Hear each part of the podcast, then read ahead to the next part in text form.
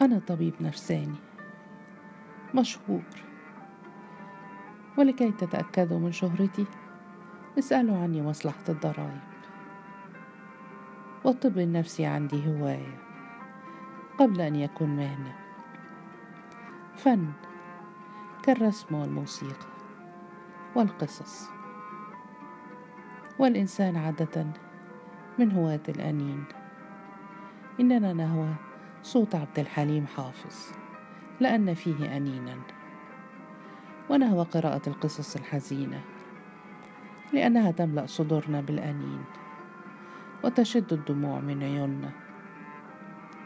إن الإنسان إن لم يحزن على نفسه بحث عن شخص آخر يحزن عليه. أو تخيل نفسه بطل إحدى القصص المؤثرة وتحمل ما يعانيه البطل من عذاب. وألم وحزن. وأنا أهوى أنين مرضاي. وليس معنى ذلك أني أتلذذ بعذابهم. أبدا. ولكني أعيش في عذابهم. ومرضاي لهم قصص عجيبة. قصص الإنسانية عندما تتعرى من ثيابها وترفع عن وجهها القناع. القناع الذي يفرضه علينا المجتمع. ثم تبدو النفس البشرية كما هي. غابة كثيفة موحشة تنتصب فيها أشجار مفزعة شجرة الخوف وشجرة الأنانية وشجرة الحقد وشجرة الحيرة. وتحت أقدام الأشجار زهور رقيقة تحاول عبثا أن تصل إلى نور الشمس. زهرة الحب وزهرة الأمومة وزهرة التعاون الاجتماعي. وعملي هو أن أجوز خلال هذه الغابة وفي يدي مصباح خافت الضوء لأكتشف أشجارها المفزعة وهضبها وبراكينها وأحرص على ألا أطأ بقدمي إحدى هذه الزهور الرقيقة بل أحنو عليها. وأتعهدها حتى تشب وتصل إلى نور الشمس.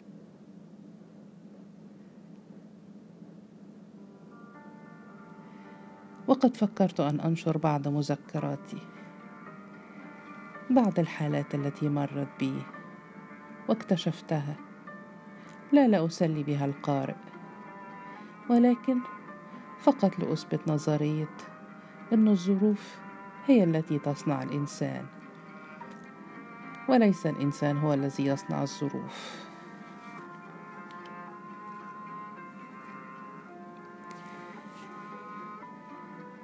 كنت قد انتهيت من بحث آخر حالة عرضت علي في ذلك المساء. وطويت مذكراتي الطبية. وبدأت أستعد لمغادرة العيادة والذهاب إلى البيت. ودخل مساعدي يعرض علي كشف الحالات الجديدة التي اتصلت بالعيادة وحدد لكل منها موعدا بعد أسبوع على الأقل. ولمساعدي طريقة خاصة يحاول بها دائما أن يقدم موعد إحدى الحالات على الأخرى. إنه إنسان طيب. تثير عاطفته أحيانا حالة معينة فيحاول أن يساعدها. وهو في الوقت نفسه يعلم أني حريص على النظام الذي وضعته لاستقبال مرضاي. ويعلم أني أعتبر كل الحالات متساوية في الأهمية إلى أن تشفى. باستثناء حالات عاجلة يكون فيها المريض يعاني أزمة قد تنهي بحياته. وقال مساعدي وهو يعرض علي قائمة الحالات ولا ينظر في عيني. إن السيدة حرم الدكتور حسن عزمي لا تزال تنتظر. ونظرت إليه في دهشة فإني أسمع عن الدكتور حسن عزمي من زمان. إنه ألمع رجال الاقتصاد في مصر وكان وكيلا للبنك الأهلي ثم أصبح رئيسا لاتحاد الصناعات. رغم أنه لم يتجاوز الثامنة والثلاثين من عمره وقد سبق وأن التقيت به في عدة اجتماعات. ورعاني منه هدوءه هدوء أكثر من اللازم. وحرصه الشديد المتعمد في كل كلمة يقولها. كأن كل كلمة يوقع بها شيك بألف جنيه. ولاحظت فيه أيضا بعض الغرور الذي يبدو في مظهره وتصرفاته. ورغم ذلك فقد كنت معجبا به. كان فيه شيء يجذبك إليه ويجعلك تصبر إلى أن تتلقف منه هذه الكلمات النادرة التي يوقع بها الشيكات. وأخفيت دهشتي بسرعة عن مساعدي فقد كنت أعلم أنه قد يلجأ إلى إحدى هذه الطرق التي يستغلها للإخلال بنظام العيادة.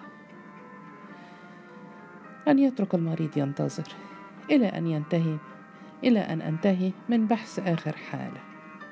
وقلت له ببرود مواعيد العيادة انتهت. قال وهو ينظر إلي من تحت رموش منكسة. لقد جاءت في السابعة ثم خرجت وعادت منذ نصف ساعة. إنها تقول إنها تريد استشارة. لن تستغرق أكثر من خمس دقائق قلت وأنا أبتسم له كأني أطيب خاطره. دعها تتفضل. ودخلت. سيدة جميلة لا تزيد عن الثلاثين من عمرها. جمالها مهذب ليس على وجهها كثير من المساحيق وشفتاها مصبوغة بأحمر هادئ.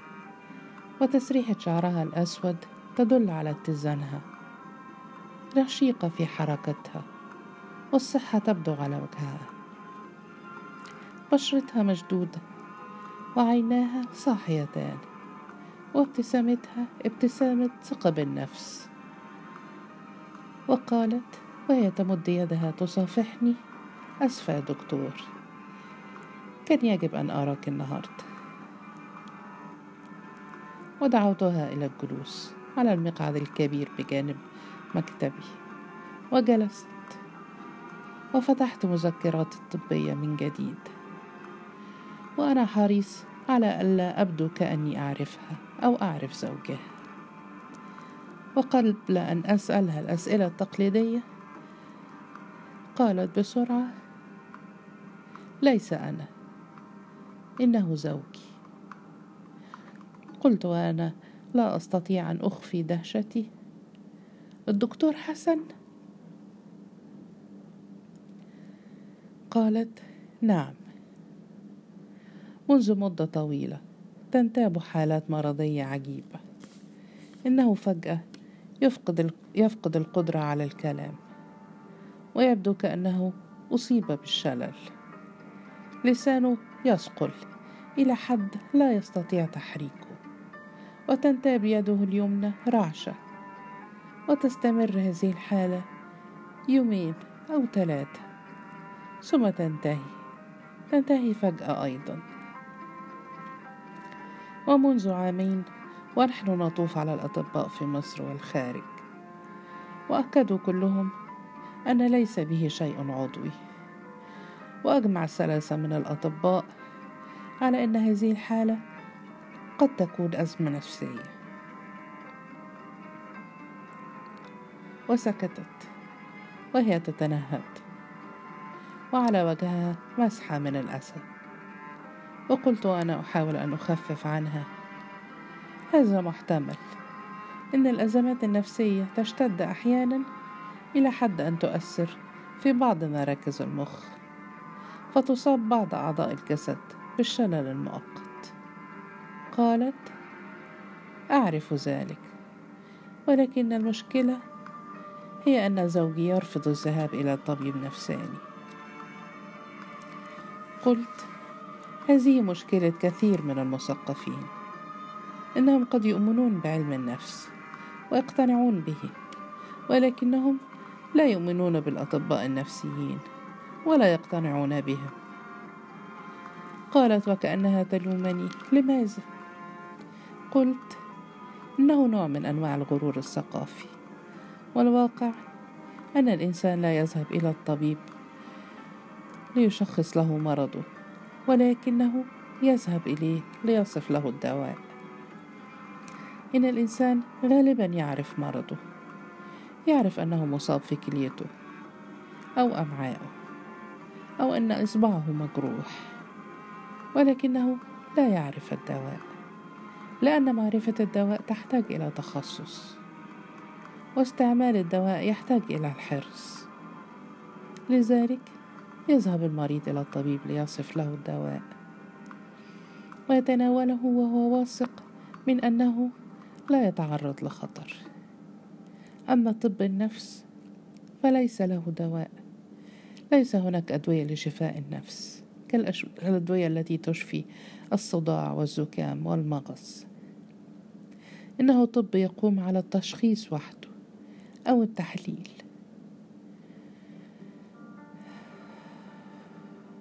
قالت وكأنها تريد أن تقنعني بأهميته ولكن التشخيص أيضا يحتاج إلى طبيب.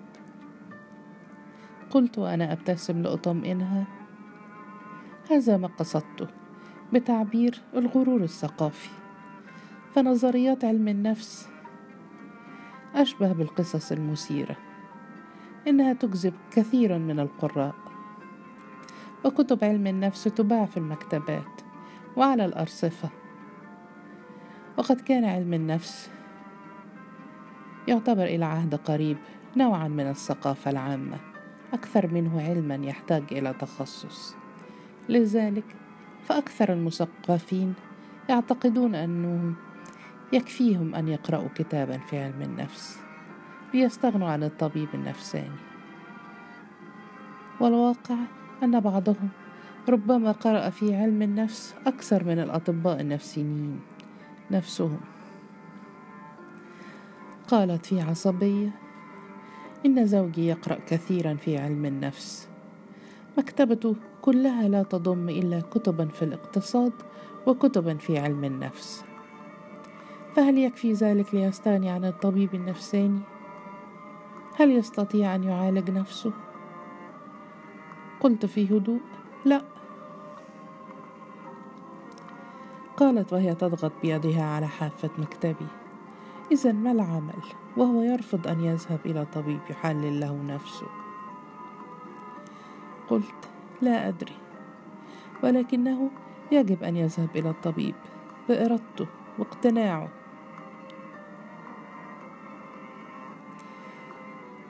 قالت وهي أكثر حدة هذا ما جئت لأستشيرك فيه.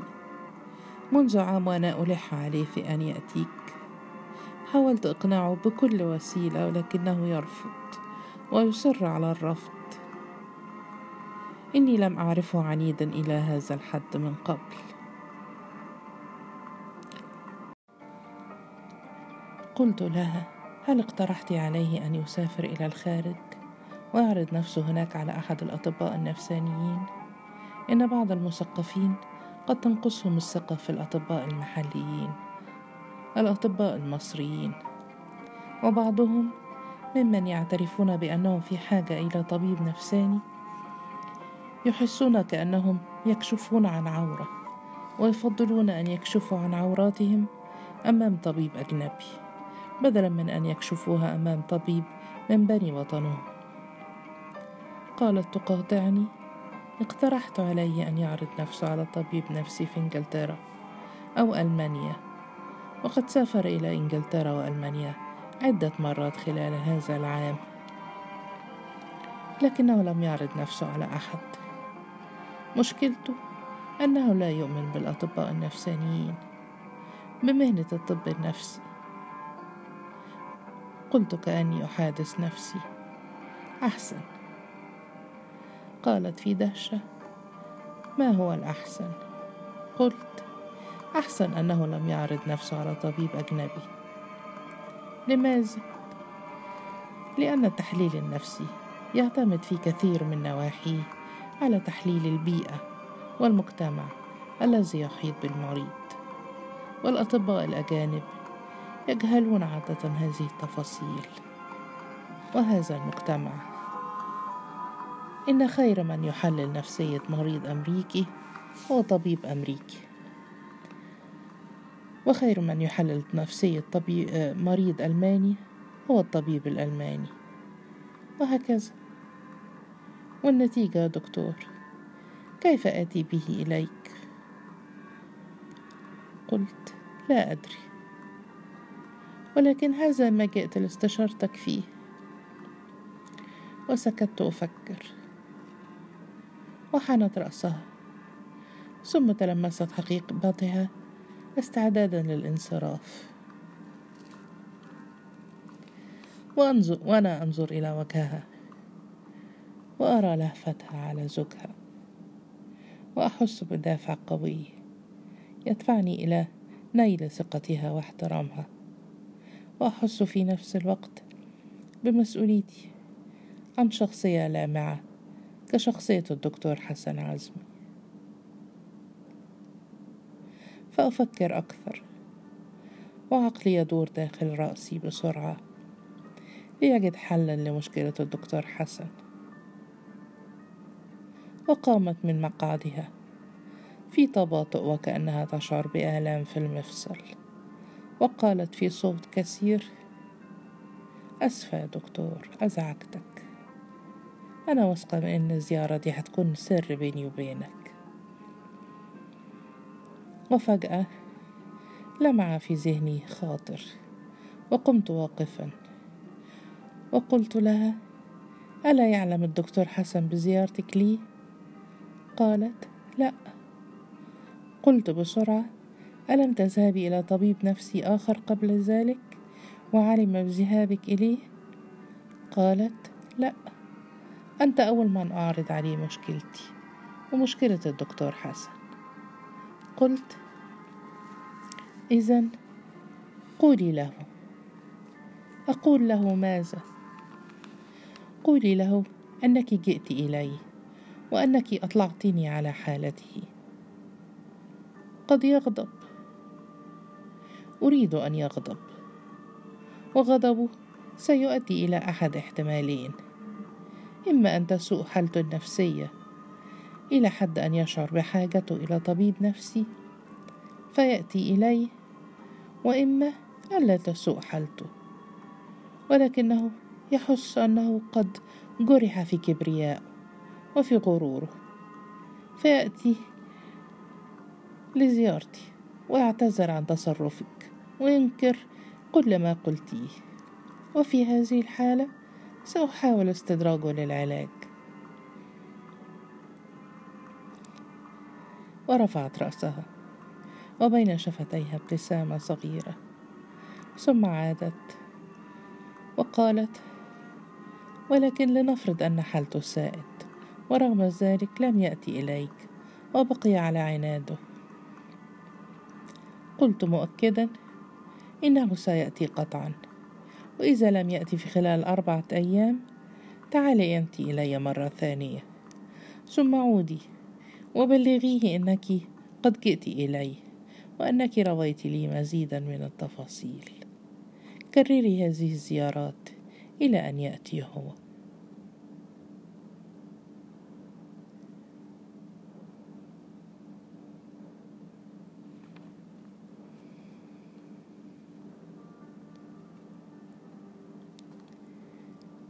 عدت إلى بيتي وأنا أفكر في حالة الدكتور حسن. والدكتور حسن رجل مثقف. والمثقفون هم أتعب أنواع المرضى النفسانيين لأن ثقافتهم تقف دائما حائلا بينهم وبين الاستسلام للطبيب ثم الاستسلام لأنفسهم. إن هذه الثقافة تمثل نوعا من الإرادة إرادة التمرد. التمرد على الطبيب والتمرد على أنفسهم وأغلب جلساتي مع المرضى المثقفين تضيع في مناقشات ثقافية بيني وبينهم. يحاول فيها المريض أن يتباهى بثقافته بل أحيانا أحس أنه يحاول أن يتخذ مكان الطبيب ويضعني في مكان المريض. والمثقفون أكثر تعرضا للحالات النفسية من الجهلاء أو ممن هم أقل في ثقافة. وقد سبق وأن قلت في إحدى حلقات هذه المذكرات التي أكتبها تحت عنوان الناس والظروف إن الأغنياء أكثر تعرضا للحالات النفسية من الفقراء لأن الفقير يشغله البحث عن لقمة العيش عن مواجهة أزماته النفسية. إنه محتاج في كل لحظة إلى عقله الواعي ليبحث به عن رزقه.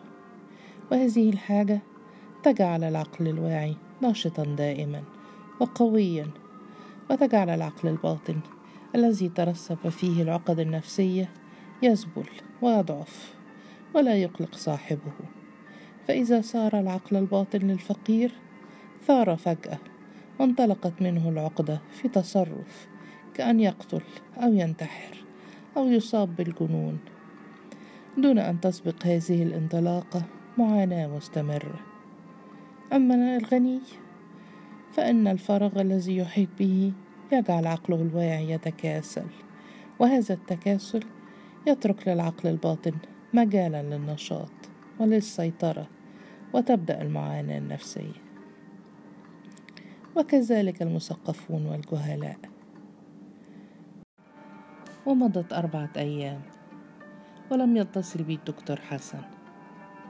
كنت انتظره في عيادتي كل صباح وكل مساء وكنت أنتظره في البيت أيضا لعله يتحرج من أن يتصل بي في العيادة فيتصل بي في البيت. ولكنه لم يتصل بي. وجاءت السيدة حرم في موعدها. إن هذه السيدة تثير احترامي إلى حد كبير. إنها سيدة كاملة. كل شيء فيها يكاد يبلغ حد الكمال. اختيارها لسبها حركتها الرشيقة البسيطة. طريقة إمساكها بحقيبتها خطواتها. هدوء ابتسامتها. اتزان كلمتها. كل شيء فيها يدعو للاحترام ولا أعتقد أنني استطعت أن أخفي إعجابي بها. وقالت قبل أن تجلس واللهفة تملأ وجهها. هل جاء إليك؟ قلت في أسف لا. قالت وهي تتنهد وتجلس على المقعد الكبير. كنت أمني نفسي أن يجيء إليك دون أن يخبرني. قلت لنصبر. إن أول مميزات الطبيب النفسي الصبر الطويل.